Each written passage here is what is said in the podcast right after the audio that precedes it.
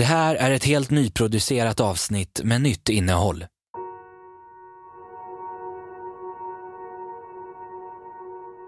Lisa Holm har precis påbörjat sommarjobbet på Klostercaféet vid Blombergs säteri utanför Källby.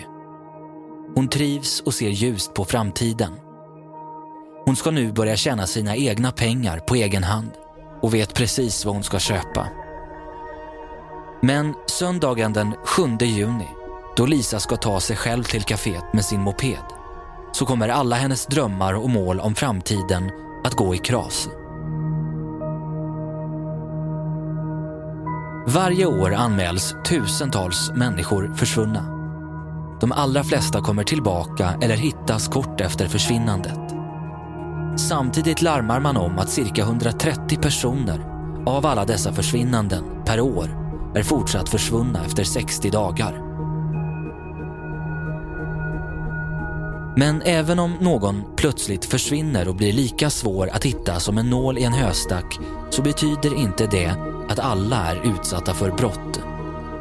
Tvärtom så försvinner ofta personer självmant. Men i vissa fall så sker det obegripliga där någon annan bär ansvaret för att ha bortrövat och bragt någon om hens liv. Klockan 18.00 stänger kaféet. Lisa och hennes arbetskamrater lämnar byggnaden samtidigt. Utanför står mopeden parkerad och Lisa skickar klockan 18.22 ett sms till sin pappa där hon skriver att hon nu ska påbörja sin färd hemåt. Bara några minuter senare, klockan 18.26, så ringer Lisas telefon upp pappa igen, som befinner sig i stöpen. I bakgrunden hörs svaga röster och samtalet tolkas som en fel eller fickringning. Cirka två timmar senare anar föräldrarna oråd. Det går inte att nå Lisa per telefon. När man anländer till kaféet för att kontrollera om hon finns kvar så är hon spårlöst försvunnen och en av Sveriges mest omfattade och mest välkända polisutredningar tar vid. Det ska beröra hela svenska folket och sätta ett helt land i skräck när sanningen till slut kommer fram. Du hör i detta avsnittet en helt ny dokumentär om mordet på Lisa Holm. Detta är en helt ny produktion och källor till programmet är förundersökningsprotokollet, Dagens Nyheter samt domen i fallet. Jag heter Sebastian Krantz och du kan följa mig i sociala medier där jag också heter Sebastian Krantz.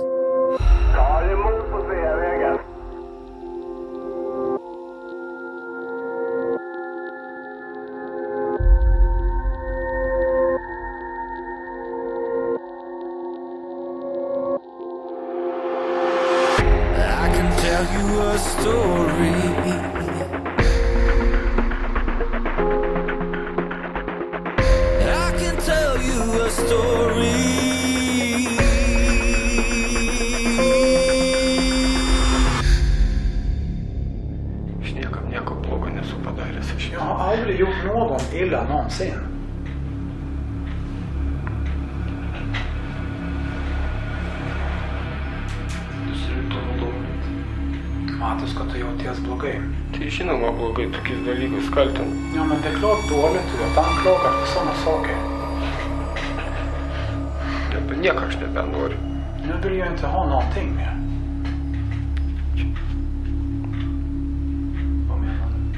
omeny?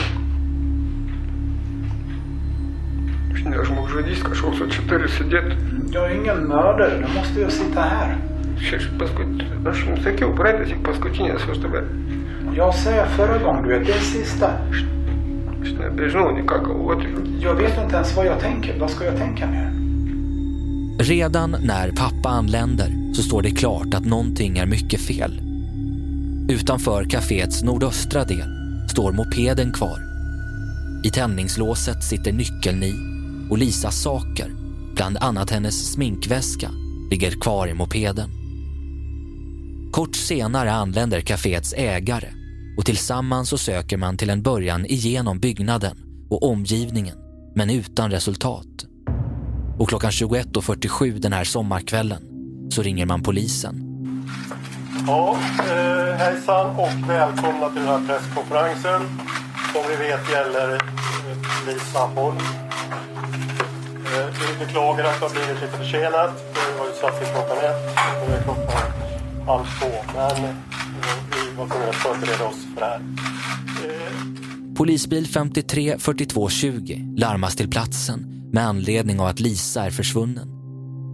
Där möter man upp pappa som berättar vad man vet. Med hund söker man igenom området kring kaféet och mopeden. Och allt man vet hittills är att mopeden stått parkerad bakom kaféet. Vännerna till Lisa hade sina transportmedel parkerade på framsidan. Och man vet också när Lisa Holm ska ha avslutat sitt arbetspass och påbörjat sin resa hemåt. En resa som aldrig blev av. atlikti bausmę už to, ką aš nepadariau. Jau geriau negyvensiu. Ja, verkligen. Jag, jag ska inte göra straff för det vad jag har inte gjort. Det är bättre att jag inte lever längre. Ką aš galiu papasakoti, aš nieko nežinau. Vad ska jag berätta? Jag vet ingenting. Pasakyčiau, aš ne, nebeturiu ką pasakyti. Aš... Jag vet inte. Skulle jag veta att jag skulle berätta att jag har inget att berätta?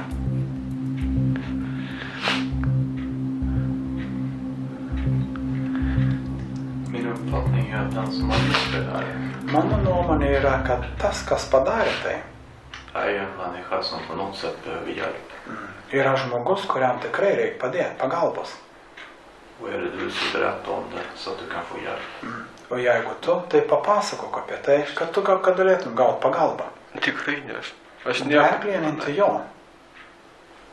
gyvenime nesutikęs tos merginos. Jag har aldrig i livet har träffat den här flickan. När man söker av med hundar så reagerar inte de kring byggnaden eller mopeden. Inte heller på omkringliggande byggnader. Mellan en åker och en herrgård blir hunden mer intensiv men markerar inte och söket fortsätter. Härefter letar man med hund genom lador och förråd. Och i ladan mitt emot kaféet kontrollerar man skrymslen och hålutrymmen. På golvet finner hunden en tyghög. Under den ligger vad hundföraren tror är mänsklig avföring. Och i ett utrymme beklätt med kakel på vissa väggar visar hunden intresse på golvet. Där finns inte några föremål, men hunden söker intensivt med sin nos. Och till sist kontrollerar man en mindre lada, rakt västerut från den större ladan, men utan resultat. Mellan 02 till 03 tiden under natten så får en polispatrull i uppgift att knacka dörr i närområdet. Det första huset man kontrollerar är ett äldre lägenhetshus som ser ut att tillhöra en herrgård. Först får man kontakt med en svensk dam i 50 till 60-årsåldern. Därefter knackar man på nästa dörr. Efter några gånger öppnar till slut ett utländskt par. Mannen är i 35 till 40-årsåldern och på engelska frågar polisen om paret har information som kan hjälpa dem i sitt sökande. Det kommer då snabbt fram uppgifter om att mannen arbetar i området. Paret säger också att de vid 19.30 till 20-tiden gör iakttagelser av en brun bil då de ska åka till Källby.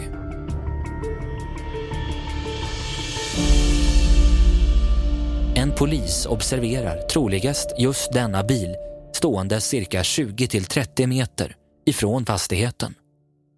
Det är en större bussliknande familjebil och under de kommande fyra timmarna så fortsätter man leta i närområdet. Klockan 02.03 den 8 juni beslutar man att inleda en förundersökning angående olaga frihetsberövande. Anmälan om Lisas försvinnande kom in till Polismyndigheten sent i söndags kväll. Vi gjorde under natten bedömningen att det fanns anledning att misstänka att Lisa utsatts för ett brott och vi inledde därför då en förundersökning om eh, olaga frihetsberövande. Omständigheterna där och då tydde inte heller på att Lisa gått vilse eller befann sig eh, skadad i området varför vi inte initierade en så kallad räddningstjänst. Polismyndigheten har under inledningen av veckan genomfört en rad olika eh, utredningsåtgärder och vi inledde också omfattande närsök eh, och naturligtvis övrig informationsinhämtning. Under morgonen den 8 juni så vaknar Sverige upp till nyhetsrubriker om att en flicka är försvunnen i Blomberg. Omedelbart startas ett mediedrev som senare ska komma att kritiseras av många. Polisen har begärt telefonpejling för att få vidare uppgifter om när och hur Lisa Holms telefon har använts.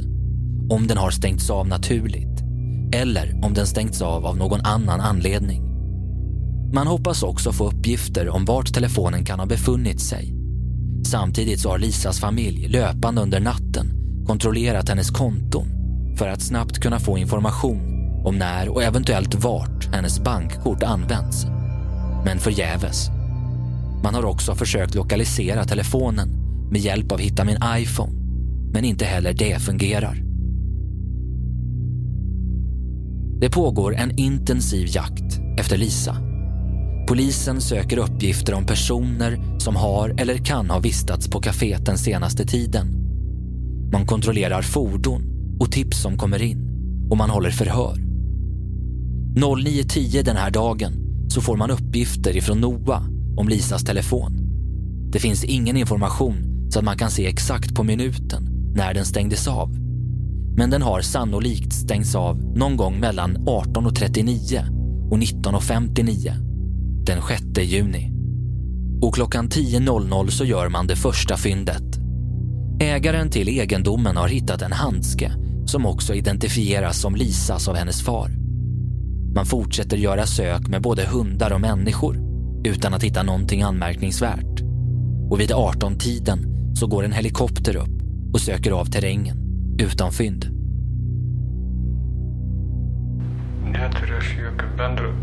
Jag har ingenting med det här.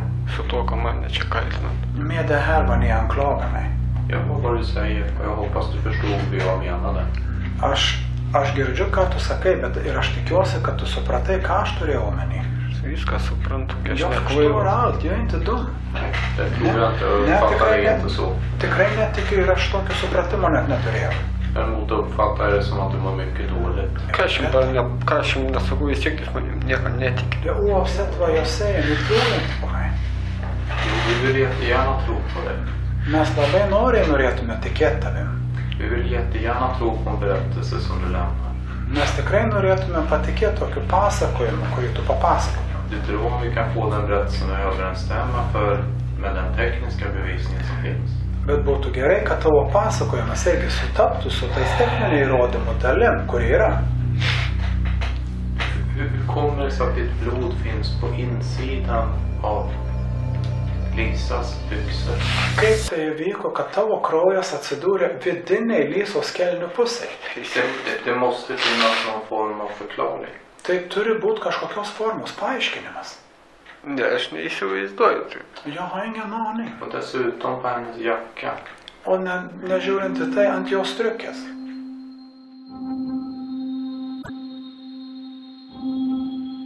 Den 9 juni så beslutar polisen i samråd med Lisas familj att gå ut med en bild på henne i hopp om att få hjälp av allmänheten. Under dagen så görs också flertalet andra viktiga fynd. Uppgiften om försvunna Lisa Holm har drabbat hela Sverige och tusentals ansluter sig nu för att hjälpa till i letandet. Lisa Holm bodde med sin familj, mamma, pappa och stora syster i Stöpen utanför Skövde och beskrivs som en person som kan vara lite blyg eller tystlåten om hon träffar personer hon inte känner. Men om hon är trygg i situationer så är hon rolig och skämtar gärna. Hon beskrivs också vara mån om andra. Och Lisa trivdes på kaféet där hon provjobbat några helger tidigare och hon såg fram emot att få fortsätta. På vardagarna så gick hon i skolan. Om hon inte stannade kvar i stan efteråt så åkte hon oftast hem och pluggade. På fritiden såg hon gärna på filmer och serier och ibland blev det någon joggingrunda. Antingen själv eller med pappa. Lisa var också intresserad av mode och var mån om sitt utseende. Och man undersöker också om Lisa kan ha haft några fiender eller dispyter med någon, vilket inte verkar finnas. Lisa ska inte heller ha varit osams med någon pojkvän. Under tisdagen så gör vi fynd eh, som gör att vi då får ett nytt intressant sökområde strax söder om platsen där Lisa senast iakttogs. Och eh, där hon senast iakttogs är som ni säkert vet då den här kaféet där hon har jobbat den aktuella dagen.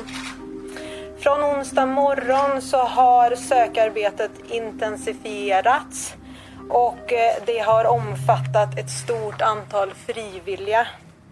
Eh, jag kan säga till er att polisarbetet rörande Lisas försvinnande har pågått dygnet runt. Om inte på platsen så har det skett på andra ställen. Blomberg säteri ligger ut med väg 2714 mellan Källby och Västerplana. På västra sidan av vägen ligger en stor byggnad, en före detta spritfabrik som står tom. Därefter ligger en stor ladugård som tidigare hyst mjölkproduktion men numera är under ombyggnad till bland annat torkning och förvaring av spannmål. Ladugården kommer hädanefter att kallas Ladan. Och denna byggnad ligger mitt emot kaféet där Lisa Holm arbetade och på mitten av byggnaden finns en stor port som var öppen. Inne i ladan, i anslutning till den stora porten, så finns en brunn och i södra änden av ladan så finns en gul tegelbyggnad innehållande personalutrymme, ett före detta mjölkrum, slaktutrymmen och maskinrum. Men utrymmena är inte i bruk och flera av rummen är kaklade. Olika dörrar finns mot söder och väster. Caféet är en röd träbyggnad och på båda sidor om det så finns parkeringsplatser. Den största parkeringen mot Källbyhållet. Ut med grusvägen som rundar säteriets huvudbyggnad ligger den så kallade mejeriflygeln. En stenbyggnad med flera lägenheter i. Lägenheterna hyrs ut till bland annat Nerjus Belevicius samt hans hustru och bror. Nerjus och hans bror är båda anställda av Arne på Blombergs säteri där de arbetar med byggnadsarbete. Under tisdagen den 9 juni 2015 anträffades ett antal fynd ut med en liten grusväg. Såsom mobiltelefonfodral, kvitto, biljett, krossad display och displayskydd. Samtliga saker visade sig härröra från Lisa Holm. Under onsdagen den 10 juni 2015 utökades sökområdet längre söder och österut ifrån kaféet vid Blomberg. Missing People kopplades in för sökinsatser och på onsdagskvällen hittades ett pärlörhänge i ladan. Örhänget visade sig komma från Lisa Holm. Ut med den lilla grusväg där tidigare fynd gjorts hittades även ett mopedkörkort och nycklar, vilka tillhörde Lisa Holm. Och en gärningsmannaprofil togs fram där man gjorde bedömningen att hon förts bort av någon som hade lokal kännedom om området och man började även misstänka ladan som brottsplats. På fredagen den 12 juni 2015 befann sig personer ifrån Missing People vid en gård belägen bara några kilometer ifrån Blombergs säteri. Två personer kom i bil till gården och den ene talade med personerna ifrån Missing People. De blev misstänksamma och kontaktade polisen. De fortsatte att söka efter Lisa Holm kring gården och gjorde fynd i en rishög. Där hittade personerna en jacka och en hjälm som senare visade sig tillhöra Lisa Holm. Polisen intensifierade nu sökandet efter Lisa Holm runt gården och på kvällen hittades hennes kropp i ett klädskåp i en byscha. Cirka 20 meter ifrån rishögen där hjälmen och jackan återfunnits. Hon hittades avliden.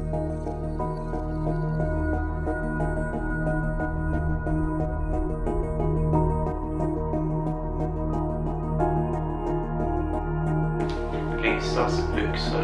Kaip tai įvyko, kad tavo kraujas atsidūrė vidiniai lysos kelnių pusėje? Tai mūsų didinamo formos atliauliai. Tai turi būti kažkokios formos paaiškinimas. Ne, aš neįsivaizduoju. Jo, negenoniai. Un tas ir tompaninis, jo, kiek. O ne, nežiūrint į tai, ant jos triukės.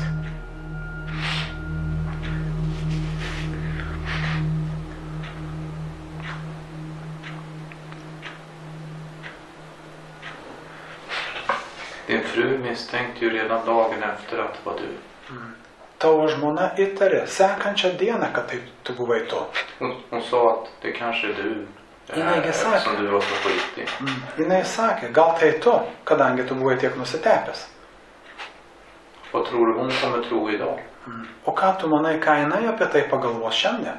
Eller i nästa vecka när hon får de här undersökningarna som är gjorda. Arba turiu omeny sekančią savaitę, kai jinai sužinos apie tą tyrimus, kurie yra padaryti. Irgi duok mums pasakojimą, papasakok, tai neįmanoma, kad šitas irgi kraujas ir DNR, visos tos dėmes atsidūrė tenai be jokio kontakto. iš kur aš galiu žinoti, aš nežinau. Iš ko jo vieta, dė, jo vietinte.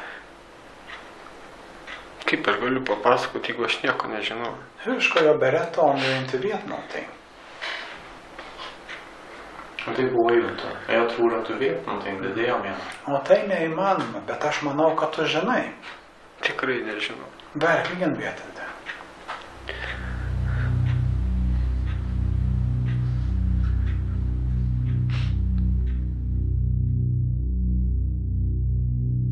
En utvidgad rättsmedicinsk obduktion utfördes den 17 juni av två överläkare. Som bakgrundsinformation hade undersökande läkare fått veta att Lisa Holm den 12 juni 2015 anträffats död, inträngd i ett smalt klädskåp. Munnen, näsan och delar av ansiktet hade varit övertejpade med bred silvertejp som avlägsnades av kriminaltekniker i samband med platsundersökningen. Runt halsen hade en snara anträffats och enligt uppgifter och bilder så hade silvertejpen legat ovanpå snaran. Fynden talade starkt för att döden orsakats av hängning och de fynd som gjorts i ladan tyder på att Lisa Holm på något sätt övermannats där och tappat sina örhängen. Att hennes DNA fanns inuti en rulle med silvertejp som återfanns i ladan tyder på att hon, eller den som tagit i henne, varit i kontakt med rullen. Fynden i förrummet i den så kallade slaktavdelningen och i slaktrummet talar ännu starkare för att Lisa Holm befunnit sig där då snörstumpar av samma utseende och kvalitet som de som återfunnits runt hennes hals och med hennes DNA har hittats på golvet respektive i en tvättho. Även Lisa Holms hårstrå har funnits i hålet till rörgenomföringen i förrummet samt att röret vid kröken bär spår av att något dragits över röret. Tingsrätten finner mot bakgrund av den tekniska bevisning som presenterats att det inte råder någon som helst tvekan om att Lisa Holm dödats och varit upphängd i förrummet i slaktavdelningen. Någon annan brottsplats kan alltså uteslutas.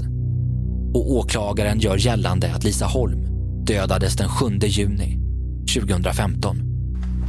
När det gäller eftersöket så tänker jag att jag lämnar över ordet till Martin Fredman som är eh, den som har eh, bättre koll på hur det har hanterats.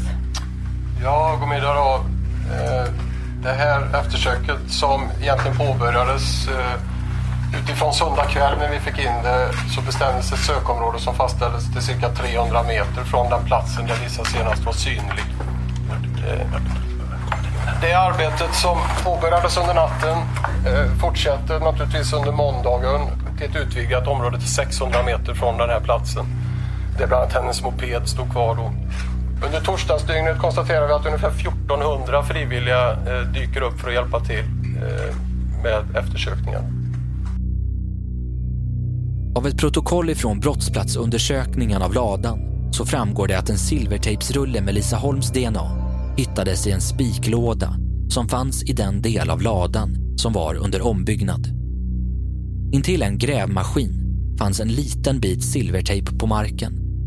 På den ena tejpänden påvisades DNA som visade sig komma ifrån Nerjus Belevicius fru. Och brottsplatsundersökningen har även gjorts av personalutrymmena i ladan. Dessa bestod av två rum, en toalett, två dusch och tvättrum och tre små hallar. Utrymmena var så gott som omöblerade. Det så kallade hörnrummet hade två fönster. Ett som vetter mot kaféet och ett som vetter mot spritfabriken. Vid undersökning av rummet så fann man besudlingar på väggar och golv. Nio besudlingar förprövades och indikerade på sperma. Två av besudlingarna på norra väggen samt en besudling på golvet analyserades av NFC. Och det visade sig att sperman kom ifrån Nerjus Belevicius. Intill hörnrummet fanns en liten hall med ingång till en toalett. I handfatet låg en upp och nervänd lampkupa och i kupan återfanns sperma som visat sig komma ifrån Nerjus Belevicius. I det så kallade förrummet i slaktavdelningen gjordes vissa fynd förutom de som redovisats ovan. På det rör som stack ut ifrån väggen, cirka 6 centimeter, så fanns en blodbesudling som visade sig komma ifrån Nerjus Belevicius.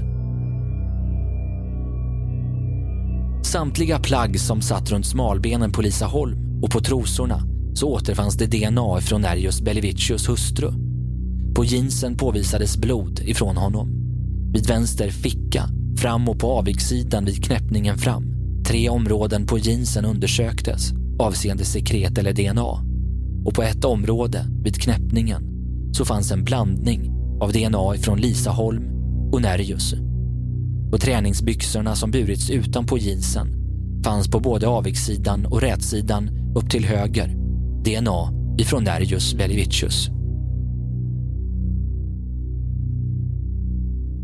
Men han säger att han aldrig har träffat Lisa Holm. Han har ingen förklaring till hur hans DNA och hans hustrus kan ha hamnat på Lisa Holms kläder.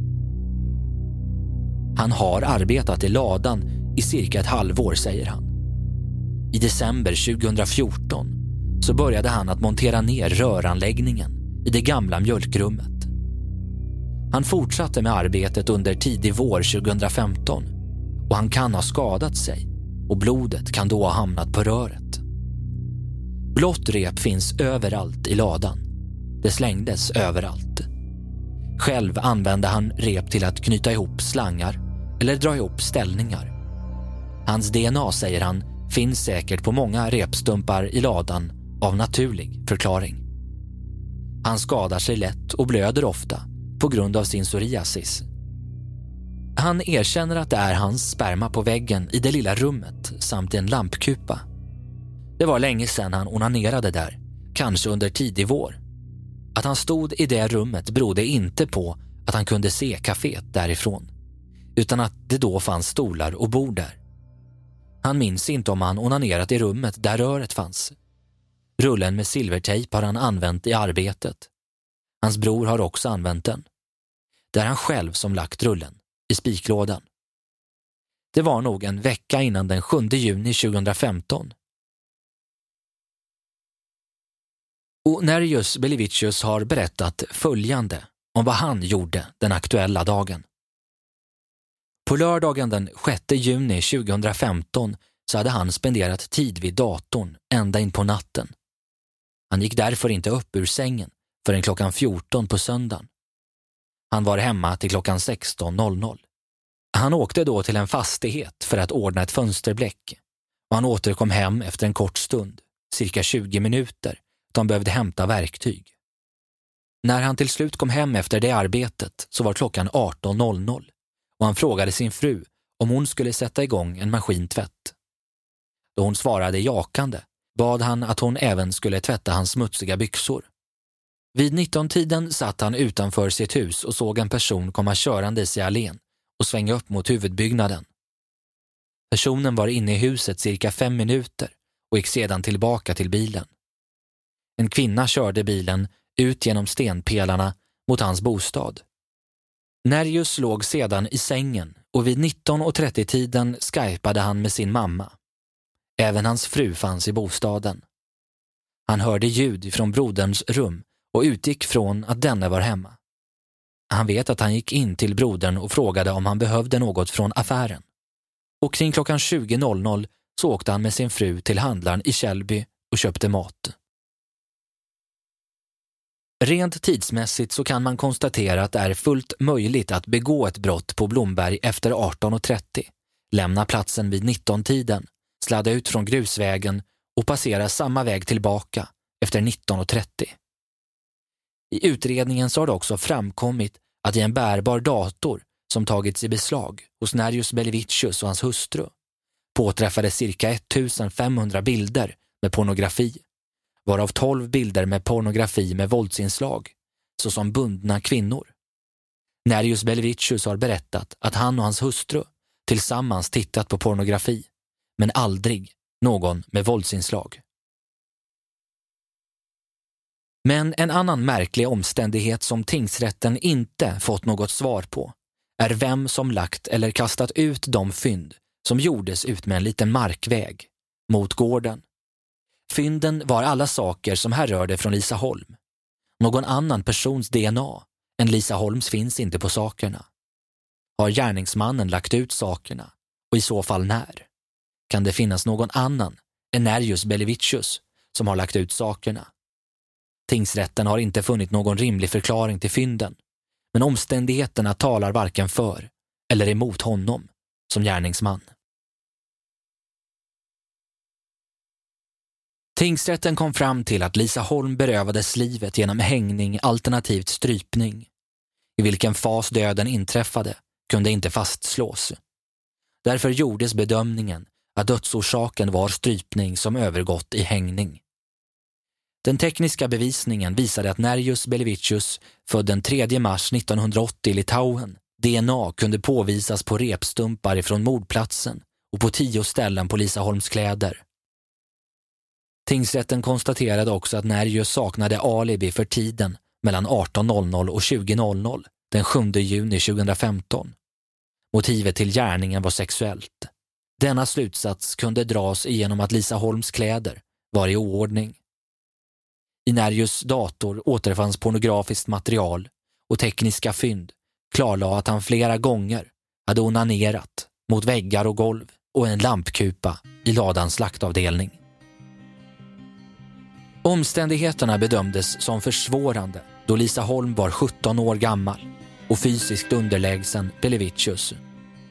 Han visade stor hänsynslöshet, agerade förslaget och avsikten måste hela tiden ha varit att döda sitt offer. Han hanterade senare kroppen vårdslöst då han gömde den och han döms till livstidsfängelse och utvisning med obegränsat återreseförbud den 17 november 2015. Göta hovrätt fastställde tingsrättens livstidsdom med utvisning den 8 februari 2016. Den 2 maj 2016 beslutade Högsta domstolen att inte meddela prövningstillstånd efter en överklagan. Livstidsdomen vann därmed laga kraft. Den 4 juli 2016 meddelades det att Nerjus Belevicius placering blir på Norrtäljeanstalten som har högsta säkerhetsklass. Han kommer där att genomgå behandlingsinsatser mot sexuellt våld under sin strafftid. Den 17 februari 2017 blev det känt att Kriminalvården godkänt Belevicius ansökan från i juni 2016 om att bli flyttad till ett fängelse i hemlandet.